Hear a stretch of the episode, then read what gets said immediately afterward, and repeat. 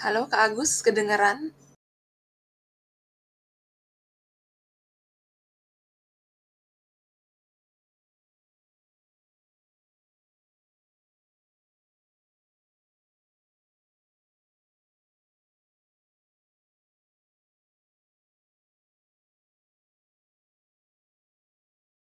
Mungkin kita pindah dulu ke narasumber yang satu lagi.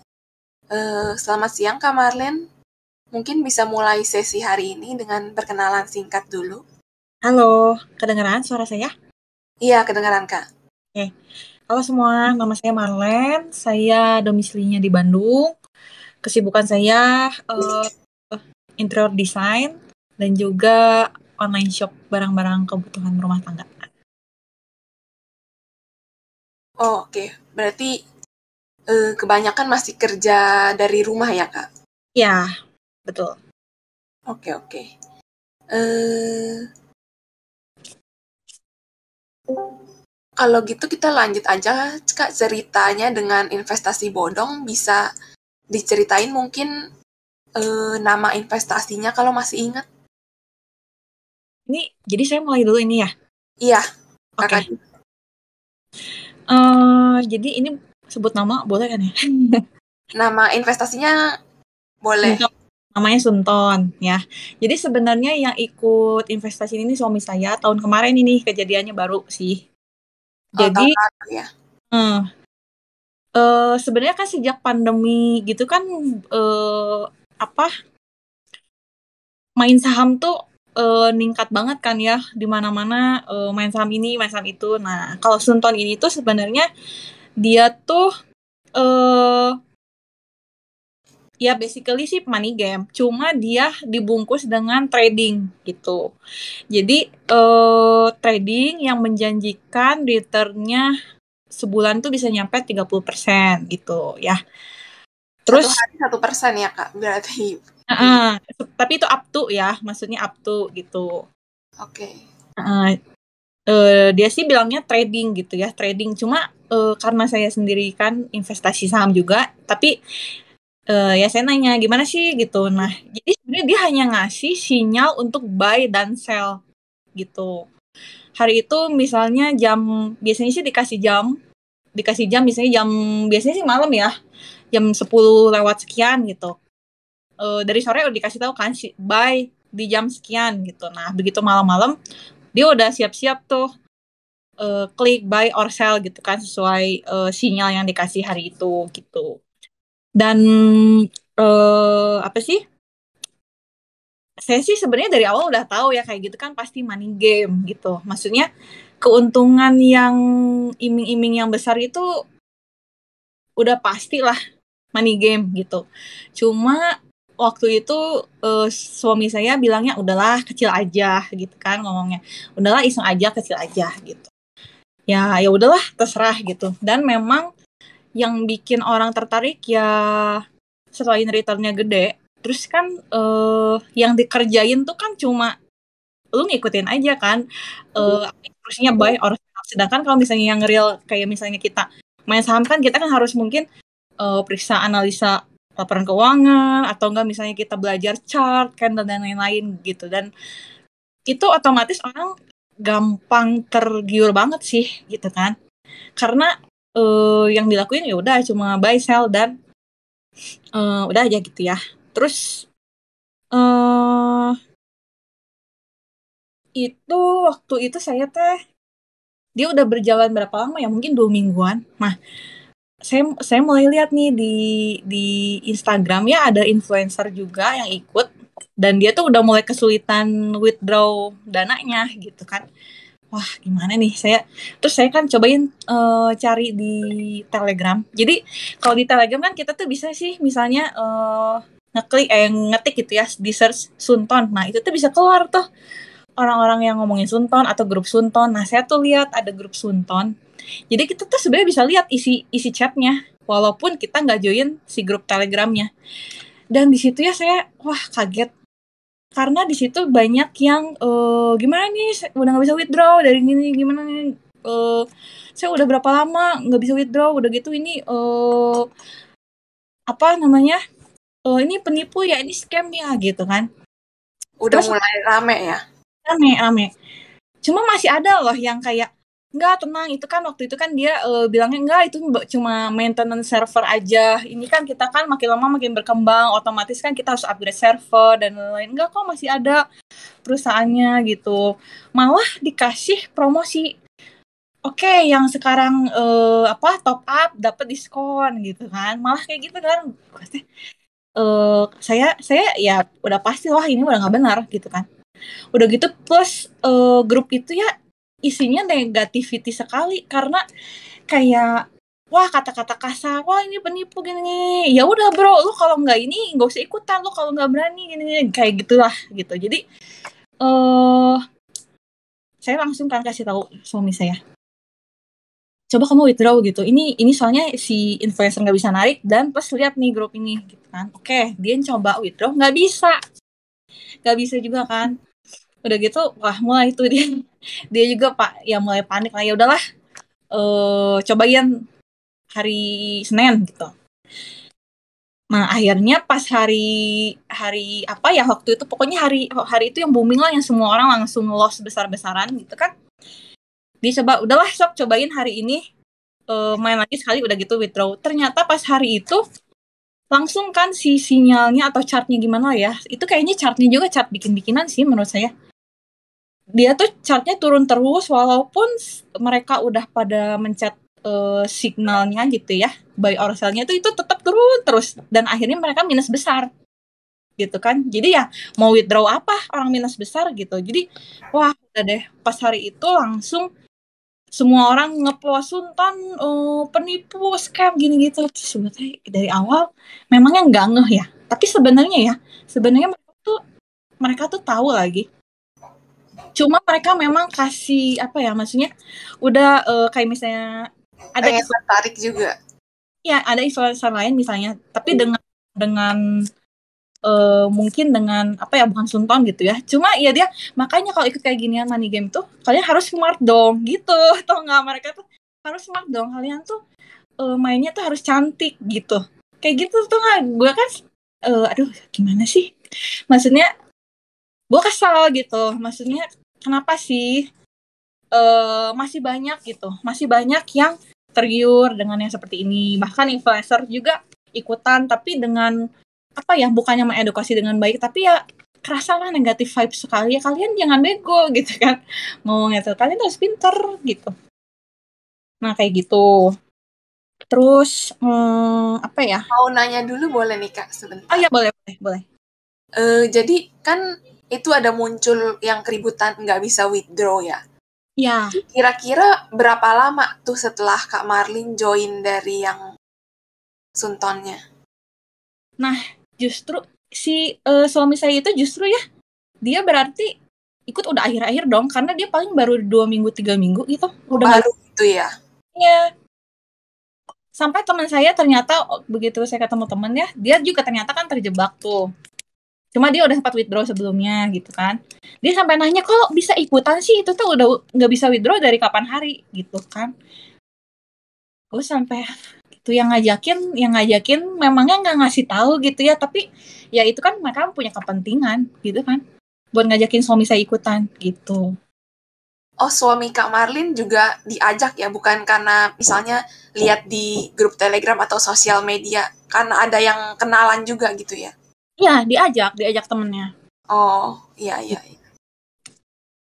Oke, gimana lanjut Kak yang ceritanya sampai nggak udah nggak bisa nih. Terus udah nggak bisa ya ya udah ya udah dia mah udah ikhlas kan maksudnya saya mau ngomong apa lagi kan masa gitu ya saya panas pasnya maksudnya kadang-kadang eh, gimana ya dia perlu memang karena batunya sendiri supaya dia sadar padahal saya udah ngomong dari awal gitu udahlah nggak usah nggak usah dia cuma bilang udahlah sedikit aja udahlah iseng gitu kan eh terus oke saya akhirnya ngecek lagi tuh si grup telegram itu kan. Masih bisa kalau dilihat kayaknya sampai sekarang. Cuma udah ganti nama jadi review kepolisian Sunton gitu.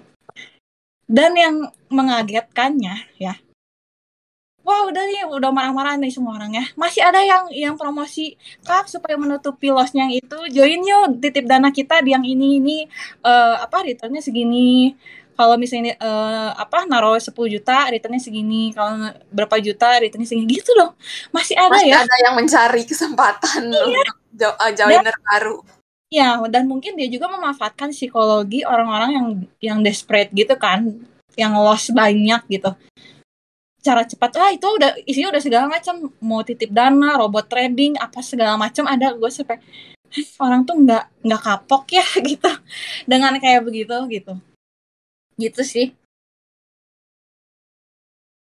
oke oke um, mungkin kita hold dulu cerita dari kak, kak Marin okay. kita coba lagi ke ke Agus ya halo siang kak Agus udah bisa open mic-nya Oh, tunggu. Mungkin lagi coba. Halo? Iya, halo, Kak. Kedengeran, Kak? Iya, kedengeran. Iya. Bisa perkina perkenalan singkat dulu, Kak? E, oh, domisili ya. sekarang di mana? Sibuk. Oh, ya, uh, saya, saya Agus, uh, domisili di Jakarta. Backgroundnya dulu ada di investment ticket, tapi sekarang main jobnya itu family business. Oh, wira swasta ya, Kak? Iya, wira swasta, benar. Oke, oke. Uh, kalau Kak Agus gimana nih cerita terlibat dengan investasi bodongnya? Iya, dulu sih nggak kayak yang apa dulu masih ingat ya kalian yang emas itu GTIS atau apa gitu? Kayaknya sih banyak nama gitu. Jadi intinya emang kita tergiur karena returnnya tinggi dan orang-orang di sekitar join aja sih.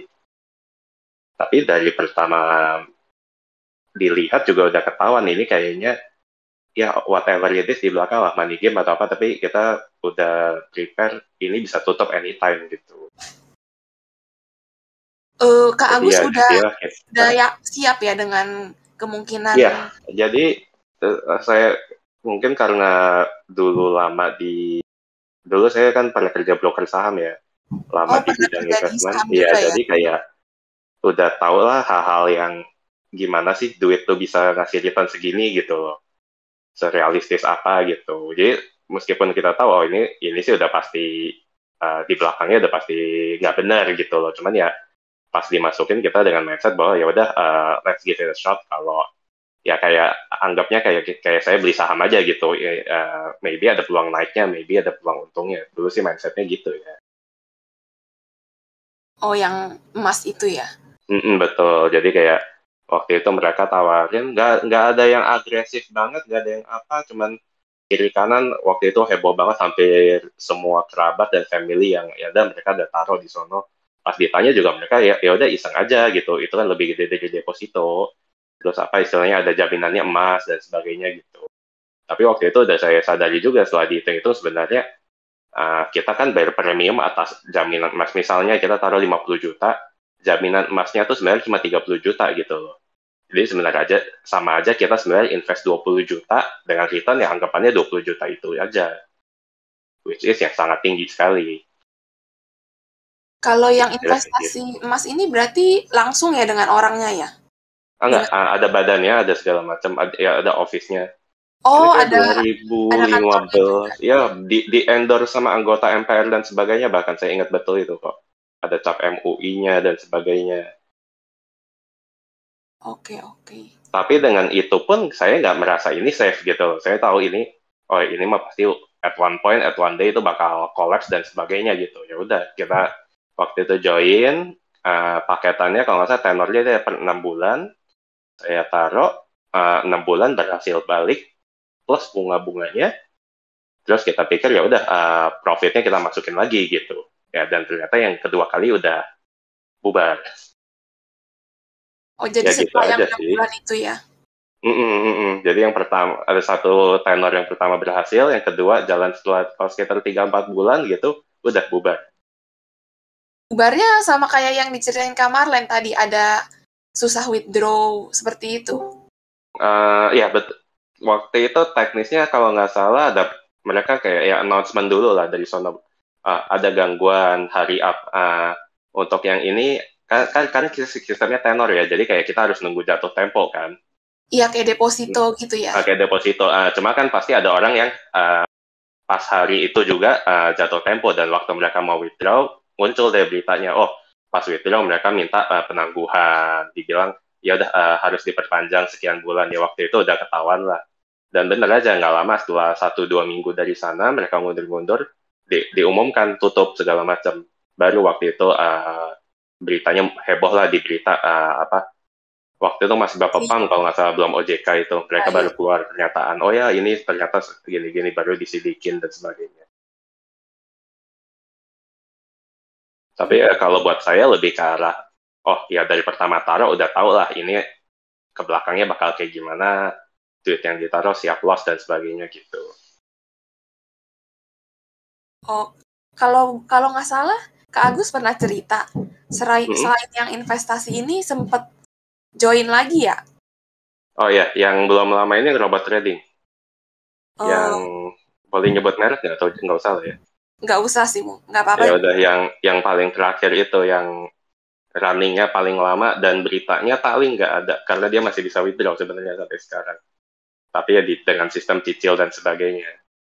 Tapi Jadi, intinya saya saya join dengan saya karena penasaran, emang se sehebat apa ini robot gitu loh dan saya join, saya lihat sinyalnya segala macam, setelah dia trading baru kata, oh, it's obviously fake lah gitu loh. Jadi setelah itu ya udah saya biarkan jalan satu, dua, tiga bulan karena dia ada kayak uh, robot fee segala macam, kira-kira udah nutup. Akhirnya saya waktu itu juga ada opportunity lain, saya tutup, saya with, berhasil withdraw dengan mulus. Ya udah, saya tinggal begitu aja.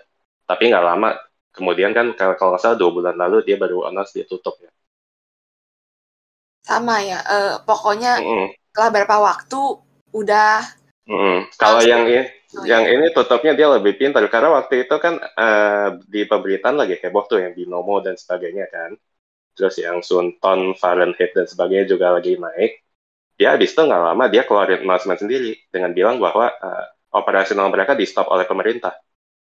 Udah gitu aja. Oh jadi biar orang jadi nggak ada sinyal. Ya jadi jadi istilahnya kayak mereka mau cuci tangan lah gitu. Tapi ya mereka juga fair juga kayak ya dah karena operasional kita di stop withdrawnya harus bertahap dan sebagainya gimana gimana gitu.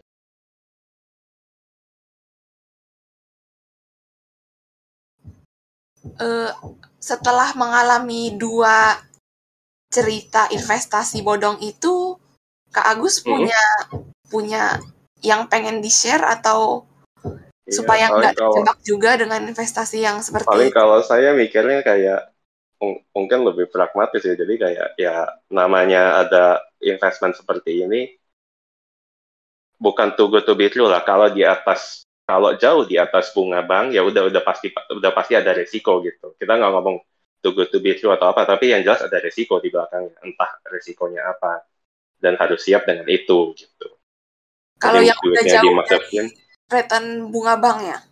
Iya, kalau saya mikirnya gitu aja. Kalau kalau dia bisa ngasih di atas bunga pinjaman bank, buat apa dia ngambil duit dari kamu? Bisa bisa pinjam duit dari bank kemudian dia iya, iya. ngapain dia ngambil duit dari situ dan ngasih bunganya lebih tinggi lagi ngapain gitu loh kalau emang dia ses emang sesakti itulah istilahnya gitu. Oke okay, oke. Okay. Jadi ya siap dengan resikonya gitu lebih nggak ya pas loss ya pasti kesel dan sakit sih cuma ya sudah lah gitu kita anggapnya part of the part of the businessnya aja gitu hmm. kalau misalnya Kak Agus ada tawaran nih di masa depan hmm. untuk hmm. investasi seperti itu lagi hmm. kira-kira Kak Agus bakal ngambil atau skip kali ini uh, uh, tergantung tawarannya dia menjelaskannya kayak gimana tuh Oh, dan gitu. saya kan bisa lihat gitu. Ya kalau emang dia pinter sekali nipunya dan bisa sampai ngasih bukti-bukti palsu yang terlalu heboh gitu, dan saya kemakan ya bodohnya saya di sana mungkin ya. Oh, oke. Okay. Tapi menurut Kak Agus lebih penting me mengecek dulu ya apakah investasi ini uh, ya, aman atau kalau, enggak kalau bunganya terlalu tinggi kayak balik yang tadi kalau bunganya emang terlalu tinggi ya udah pasti ada risiko lah di belakang gitu aja sih kalau saya sih gitu mikirnya Oke, makasih Kak. Uh, pandangannya. Kita ke Kak Marlin lagi. Kalau dari cerita Kak Marlin, uh, saya mau nanya nih, gimana kira-kira apakah udah tidak mau ikut dengan investasi ini atau ikut yang uh, apa terjamin dari OJK aja? Enggak sih, kalau saya sih enggak.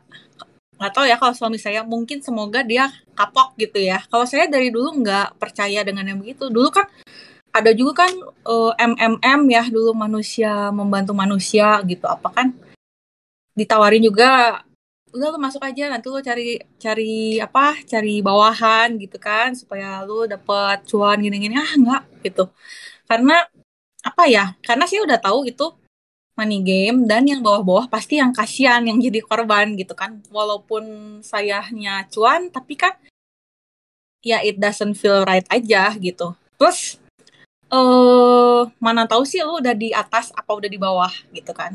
Terus yang kedua saya merasa secure-nya uh, lebih baik si misalnya ya invest gitu ya investnya tuh saya mainin sendiri misalnya saham gitu kan atau uh, reksadana gitu kan reksadana mungkin lebih safe lah ya iya. lebih uh, dananya tuh loss di tangan saya sendiri daripada loss di tangan orang lain dimainin orang lain gitu kalau saya sih ngerasanya gitu ya gitu jadi, jadi setelah pengalaman ini lebih aman kalau dana kita kita yang kelola sendiri gitu. Iya, iya gitu. Plus mungkin ya itu kan uh, apa penekanannya di sini kan do your own research kan gitu. Jadi itu sih memang kita harus apa ya harus ya itu kan uang kita kita harus lebih concern dong gitu. Tentang uang kita mau diapain gitu. Mau ditaruh di orang ini teh uh, bener nggak gitu bisnisnya. Waktu itu kan saya pernah ikut apa ya uh, kayak webinar saham gitu lah ya. Uh, pakar saham gitu yang udah malang buana di saham gitu. Dia suatu saat nanya nih ke ke yang punya ya perusahaan perusahaan inilah perusahaan yang udah listed ini. Berarti ya konglomerat gitu kan. Ini sih mungkin konteksnya agak beda ya. Cuma uh, jadi dia nanya gini uh, Pak kenapa nggak coba invest di kripto atau NFT gitu kan. Uh, ini ini ini orangnya udah kaya banget gitu ya. Punya duit banyak banget gitu kan. Iya. hmm, terus uh, iseng-iseng aja lah apa gitu sedikit-sedikit. Terus dia si konglomerat ini jawab apa saya nggak pernah iseng. Wih gila. Di situ di situ gue tertohok gitu. Maksudnya uh, ya kita investasi dipikirkan matang-matang. Iya. harus di ya itu kan uang yang kita cari susah payah ya gitu. Blood sweat and tears gitu kan. Dia dia aja dia nggak nggak iseng tuh sama uangnya gitu. Mau dia udah punya banyak duit gitu kan. Eh maksudnya gue bukan mendiskreditkan kripto atau NFT ya cuma maksudnya poinnya sih gitu. Jadi jangan iseng gitu. Walaupun misalnya ah udahlah iseng cuma berapa ini mainin segini gitu. Nah di situ wah iya ya benar ya kita tuh jangan iseng gitu. Kita harus harus tahu nih duit tuh dimainin ke apa gitu kan. Kalau misalnya lu udah tahu itu uh, uh, ah returnnya besar banget yang mungkin dibilang too good to be true gitu kan. Atau mungkin oke okay lah berarti resikonya besar juga. Nah itu lu sanggup nggak? gitu. Kehilangan itu gitu. Pun investasi yang aman menurut saya juga ada yang seperti Kak Marlen bilang itu. Uh, iya high risk high return kan. Mm. It, yang aman aja bisa ada kemungkinan ya uh, kita loss di situ. Apalagi ya. investasi yang uh, mencurigakan nih. Lebih besar mm. investnya maksudnya. Betul. Kayak besar bunganya maksudnya. Kayak kita sering kan lihat uh, apa manajer investasi ya aset manajemen lah. Aset manajemen gitu kan gagal bayar ya. Padahal kan itu mungkin uh, kita nganggapnya tuh safe gitu kan. Reksadananya tuh safe. Cuma ternyata uh, menyalahi OJK gitu kan. Misalnya bunganya terlalu tinggi dan lain-lain sehingga nggak sanggup gagal bayar.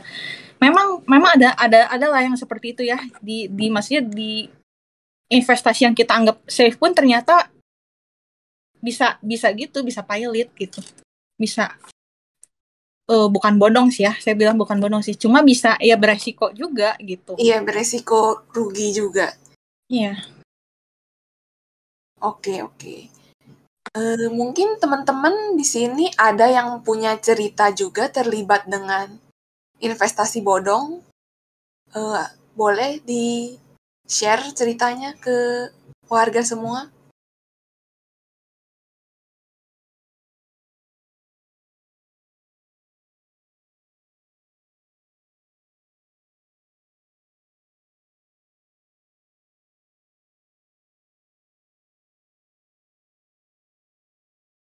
Hmm, kayaknya belum ada nih ya. Kalau gitu, kita coba apa mungkin ada yang mau nanya ke narasumber kita?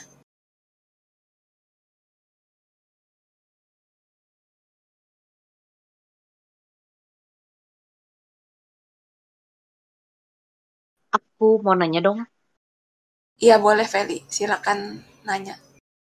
Aku mau nanya sama Kak Agus sama Kak Marlin kalau misalkan apa yang ikut investasi kayak gitu-gitu, itu tuh biasanya dengernya atau diajakinnya tuh dari orang yang kenal kah?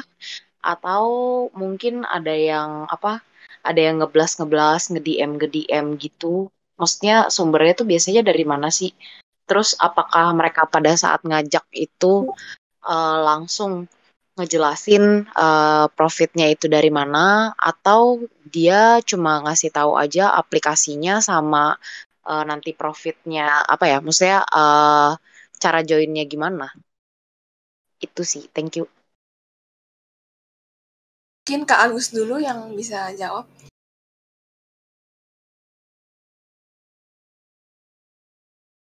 Ya uh, kalau saya dulu sih kalau yang pertama emas itu jujur saya mau saya yang tertarik sendiri.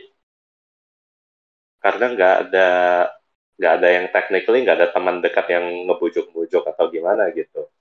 Cuma kayak emang tergiur aja dengan oh ini ada investment bunga tinggi mungkin masih bisa dapat itunya gitu.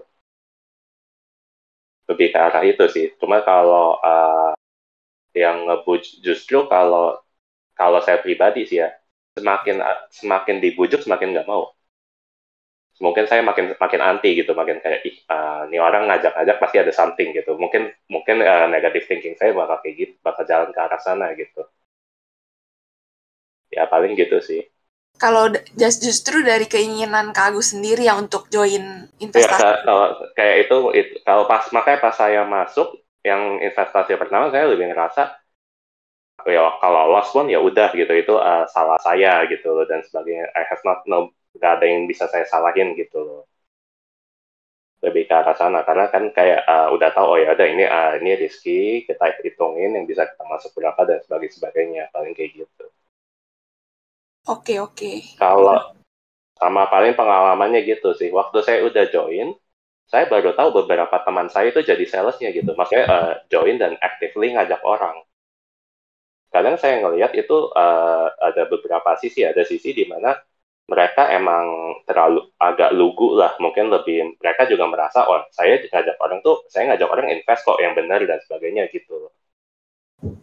Lebih uh, saya menurut saya ja, ya mungkin di sekitaran saya kebetulan jarang ada yang kayak udah tahu ini busuk uh, misalnya udah tahu ini jelek gitu tapi masih masih ngebohongin dengan bilang oh enggak ini aslinya bagus. Kalau di sekitaran saya kebetulan jarang yang kayak gitu. Banyak kan juga misalnya ada investasi high risk yang belakangan saya ditawarin pun disampaikan di depan gitu kayak ah, ini mah ini di belakangnya bisa gini gini gini ya gitu. Paling kayak gitu. Berarti lebih uh, apa lingkungannya lebih tidak tahu dengan risikonya ya? Iya, iya. Kalau yang nggak tahu, yang nggak tahu sekalian gitu. Lebih kayak, oh ya, uh, kalau uh, yang buat mereka ini mungkin mereka nggak tahu ini sebenarnya mereka dibohongin dan mereka sendiri juga nggak sadar gitu.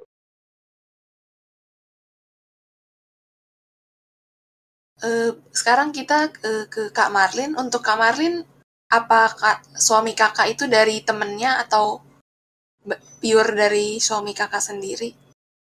Hmm, sebenarnya yang Sunton itu ya, waktu lagi booming Sunton itu uh, banyak sih kalau di lingkungan saya ya, yang ngepost di story tentang cuan hari itu gitu. Banyak, wah banyak banget. Dan uh, mungkin akhirnya ya si temannya suami saya itu akhirnya uh, ngajakin atau suami saya nanya mungkinnya saya nggak nanya mendetail sih diajakin sama temennya gitu jadi memang di lingkungan sekitar uh, saya banyak yang join gitu. Memang banyak yang join dan meng mengepost tentang cuannya cuannya gitu. Kan ya otomatis orang mungkin nanya ya ini apa sih? gitu kan. Tapi enggak yang efek gak kak ke kakak maksudnya jadi lebih aware oh ini lagi rame diomongin. Ya saya sih paling ini apa sih? gitu. Oh. cuma hanya kalau buat saya gitu ya kalau misalnya hmm, kayaknya ini mah money game deh gitu kalau saya sih langsung kayak gitu ya karena nggak nggak mungkin semudah itu gitu kalau menurut saya ya, gitu dapat profit that easy gitu sih kalau menurut saya ya pasti harus ada research yang dilakukan gitu. Jadi uh, kalau dari kakak uh, pengaruh lingkungan nggak begitu kuat lah ya, tetap tetap mesti dari diri sendiri yang mutusin kan? Ya, ya. Oke, Felicia mungkin udah jelas atau ada yang mau tanya lagi? Uh, jelas sih jelas.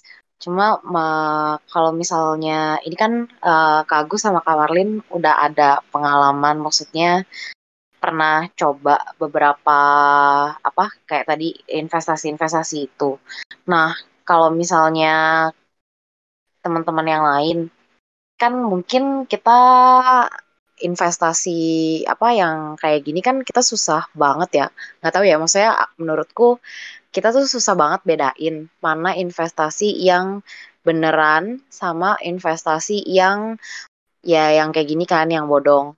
Karena ada juga beberapa investasi yang dipromosiinnya bukan cuma sama teman kita sendiri, tapi sama apa namanya? sama influencer juga. Nah, itu dari kita gimana bedainnya? Maksudnya selain dari tadi profit yang terkesan gak masuk akal, selain dari sana itu ada tips sama trik yang lain gak ya? Biar kita bisa bedain kalau ini tuh eh, nggak uh, masuk akal gitu.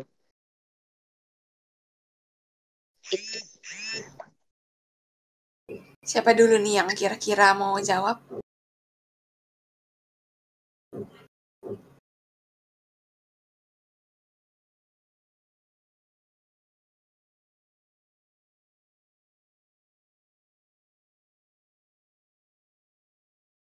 Uh, mungkin untuk Kak Agus dulu bisa jawab pertanyaannya Felicia. Hmm, kalau saya kayak yang tadi saya bilang kali ya, sebenarnya kalau returnnya udah di atas yang dijanji, eh, yang di atas return terjamin ya pasti ada resikonya gitu. Mau sebagus apa pun itu, mau sesafe apa pun itu, bang. Uh, kalau saya bilang saya kena jiwa seraya itu termasuk ditipu nggak? Bodong bukan? Uh, iya, tapi itu bukannya nggak ada. Bodong nggak? It, it, itu bodong nggak? Ayo, kalau saya bagi. Bodong apa enggak? Sebenarnya uh, tapi bodong nggak ya? Sebenarnya ya kan, bodong enggak. Ayo, itu bingung kan? Dibikin pemerintah, ada OJK iya, yang nggak ngejamin sih di atas di luar LPS oke okay lah, tapi ada OJK di belakang, Badan Usaha Pemerintah, ya kan? Dan sebagai sebagainya iya. gitu, ya kan? Itu bodong nggak ya? Tapi ya ada Bodong resiko kan karena dananya nggak bisa ditarik kan sampai sekarang. Ya kalau udah Fuzong baru dibilang bodong ya berarti kalau semua yang istilahnya semua money game selama masih jalan ya belum bodong dong kan nggak gitu juga. Hmm. Kalau saya ngelihatnya gitu, jadi istilahnya kalau udah di atas di atas LPS, di atas uh, di atas bunga rata-rata lah kita ngomong gitu, udah pasti ada resiko bodong atau enggak ya urusan nantinya gitu. Tapi yang jelas resikonya selalu ada gitu loh. Hmm. Jiwasraya saya kena saya kena lumayan di sana. Oh. prinsipnya tetap high risk high return ya kak? Iya tetap prinsipnya di sana sih saya bilang. Kayak misalnya ada yang ngasih bisa return sekian dan sebagainya ya kalau udah di atas ya udah pasti lah ada ada resiko lah. Kita nggak ngomong bodong dulu ada resikonya dulu di sana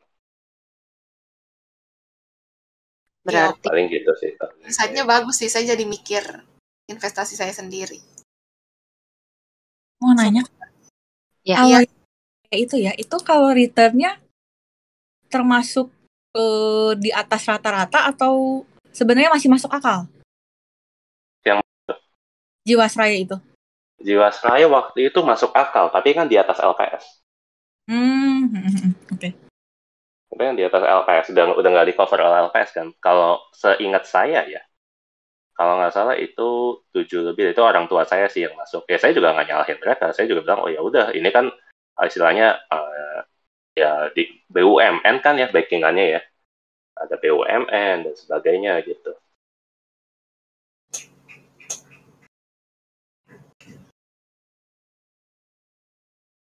paling lebih aware sama resiko sih jadi intinya di luar itu bodong atau enggak lah Jadi balik lagi ke kitanya ya. Maksudnya kalau kita mau invest, udah tahu resikonya. Kalau kita nggak siap nanggung resiko gede-gede, mending cari yang Ah, ya, pasti it- aja. ya betul Po- ma- itu itu poin yang bagus sih jadi kayak ya ability kita buat terima resikonya tuh setinggi apa gitu Oke, thank you Kak Gus.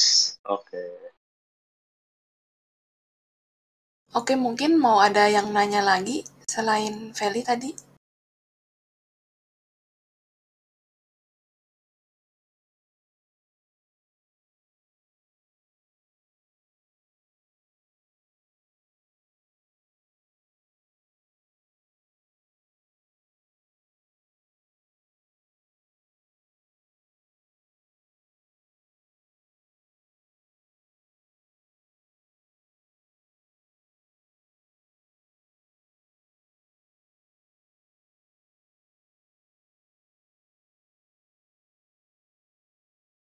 Oke, mungkin belum ada yang nanya. Kalau gitu, aku ada satu pertanyaan lagi nih untuk dua narasumber kita.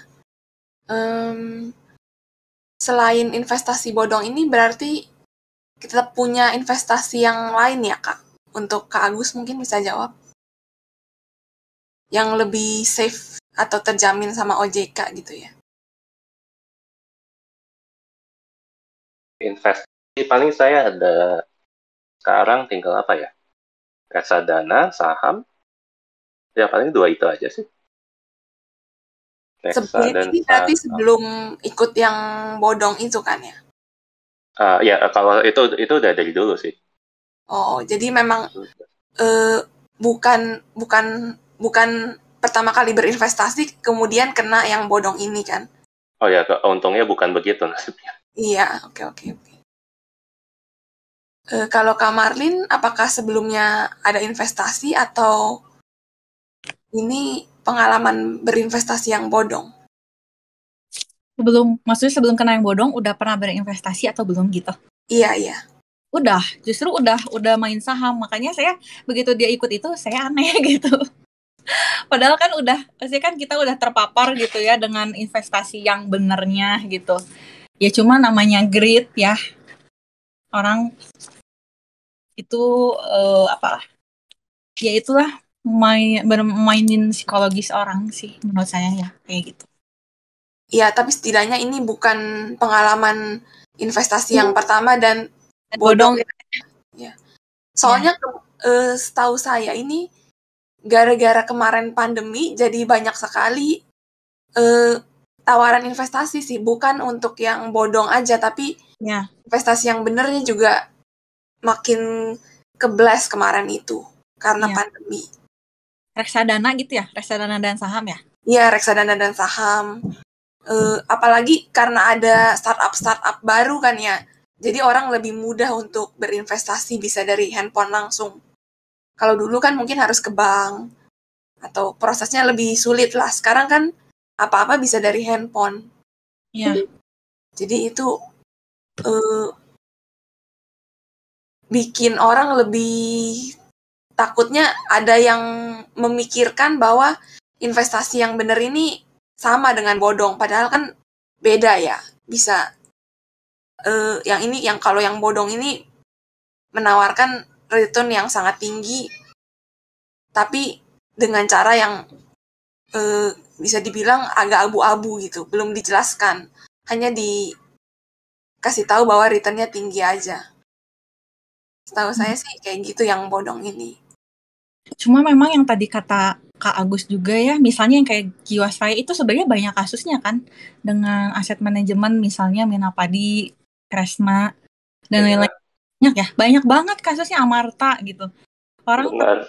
itu belakangnya kan ada Benny Cokro segala akhirnya Mm, baru ketahuan. padahal orang mungkin ngiranya itu safe ya, yang aman, reksa Betul. gitu kan. Cuma Ah, ah. Memang dia ini ya, Kak, eh, Kak Agus kalau nggak salah memang dia ngejanjiin returnnya memang tinggi sih. Yang Ya Minap kalau nggak salah, bu, ya jadi jiwa ser- yang saya tahu ya, Mm-mm. karena saya dulu dia di pasar modal kebetulan ada teman-teman yang emang ya ada sangkut pautnya dengan Benny Cokro lah dan kasus dan proyek-proyek mereka gitu. Jadi yang setahu saya Jiwasraya itu duitnya ditaruh di Benny Cokro karena dijanjikan return yang tinggi. Poinnya di sana aja, jadi pas Benny Cokro kolaps, Jiwasraya kolaps. Maksudnya dua itu kolapsnya barengan jadi. Kalau Tapi kita sebagai investor kan nggak tahu. Saya taunya saya taruh duit di Jiwasraya gitu. Iya, betul. Karena dulu saya juga eh, teman saya kan kebetulan ada nih eh napadi. Hmm. Ternyata dia gede. Jujur aja gede. Saya tergiur gitu. Cuma maksudnya kan Hmm. memang dia kan minimal harus berapa M. Wah, saya sampai ada Hmm, cita-cita hmm, punya dana segini saya pengen nih nabung di Ya, Minapadi. ya. Jujur gitu Eh, kan safe. Tapi i- itu itu juga itu elusif sih. Kadang kayak saya sendiri belum sampai level situ. Jadi kadang saya juga merasa oh mungkin kalau orang hebat tuh mesti segini dan invest di sini gitu. Kadang saya sempat mikir kayak gitu sih. Ya, betul, betul. Sama, sama. Jadi kayak Cuma- ya itu. Hmm, gagal bayar juga gitu ya. Mungkin Iya. Memang itu ya poinnya Kak Agus. Jadi kalau di atas LPS mungkin gitu ya walaupun itu reksadana dengan aset manajemen yang ada nama Iya. pun Betul. harus benar gitu ya. Betul itu. Paling Hmm. ya itu jadi konsep yang orang sering bilang don't put all your eggs in one basket di sini sangat sangat itu sangat be- benar gitu loh. Hmm. kalau boleh tahu untuk ending yang Jiwasraya ini sekarang udah jelas atau masih belum Udah jelas? udah udah dikasih tawaran kan tiga opsi. Dicicil opsi satu dicicil empat tahun opsi dua dicicil lima tahun tapi opsi satu dan dua tuh dipotong. Jadi kita terima sekitar 75% dari pokoknya kita aja. Dia kalau taruh 100 juta dicicil 70 kita cuma bakal dibalikin 75 juta dalam lima tahun. Oh itu berarti eh, solusi dari pemerintah kali ya? Kalau ya seperti ya Pak Erick Thohir yang jalanin semua itu. Ya oke lah mau nggak mau kita terima juga mau gimana lagi kan. Ada opsi opsi satu lagi dibalikin 100% tapi cicilannya 15 tahun.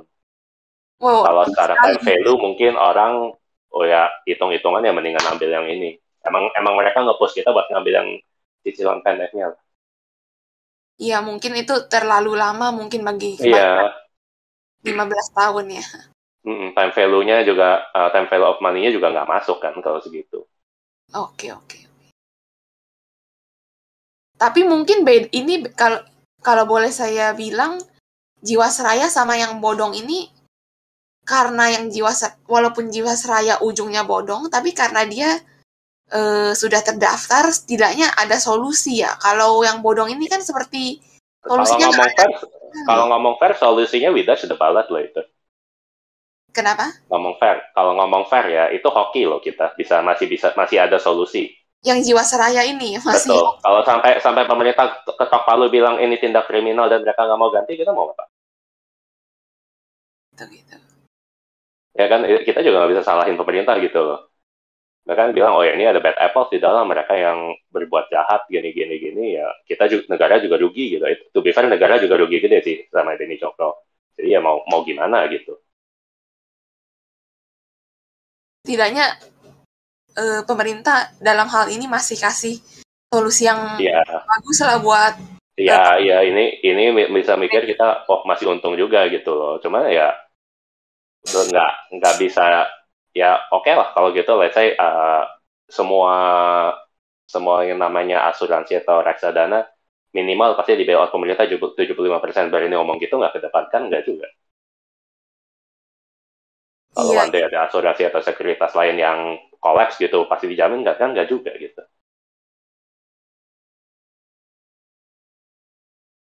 Hmm, jadi sebenarnya penjaminan dari OJK ini kalaupun di cancel sama pemerintah ada kemungkinan Ya, juga gitu nggak ya. bisa. Yang yang yang pasti dijamin secara hukum kan cuma LPS. Oh, Itu yang pasti dijamin secara hukum dan itu pun masih berbelit. Dulu kasus Senturi kan juga itu mereka pakai ancar-ancarnya LPS meskipun mereka di atas bunganya. Ya itu cerita lain lah. Cuman tuh ya intinya pasti ada resiko gitu loh. E- Even di di investasi yang paling aman sekalipun. oke oke oke. Eh, teman-teman mau ah, masih ada pertanyaan juga nih untuk topik menghindari investasi bodong ini dari teman-teman?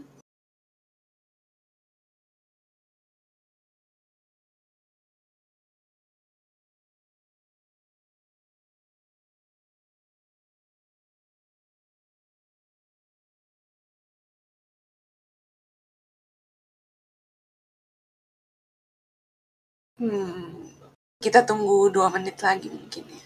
Atau kalau eh, malu untuk open mic, bisa diketik di chat keuangan aja sih untuk pertanyaannya.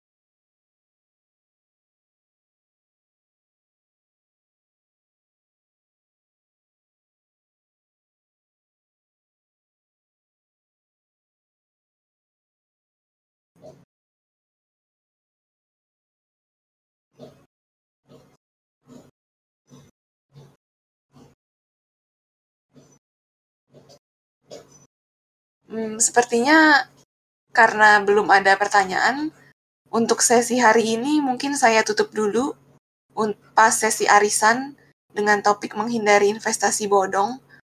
Eh, terima kasih untuk waktunya untuk Kak Agus sama Kak Marlin udah sharing-sharing dan udah mau cerita pengalamannya terlibat di investasi bodong.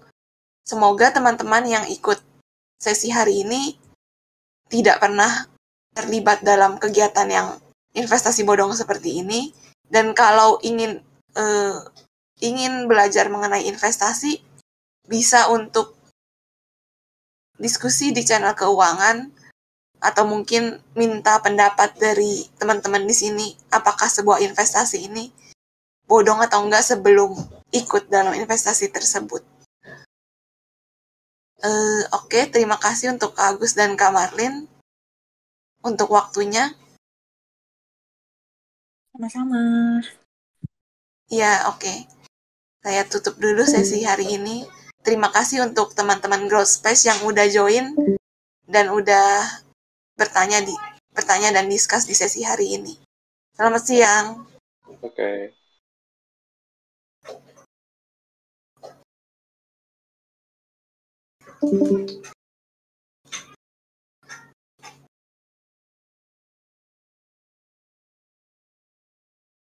何?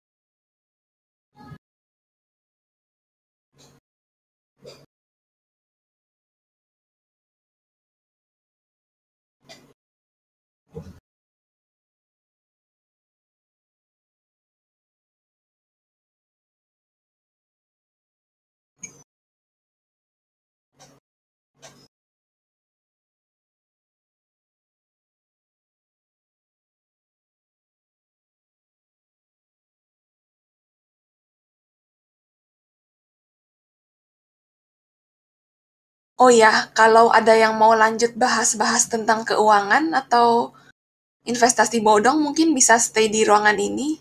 Kita buka sesi after party setidaknya sampai jam setengah empat sih. Silakan yang mau bahas-bahas lagi mengenai keuangan mungkin.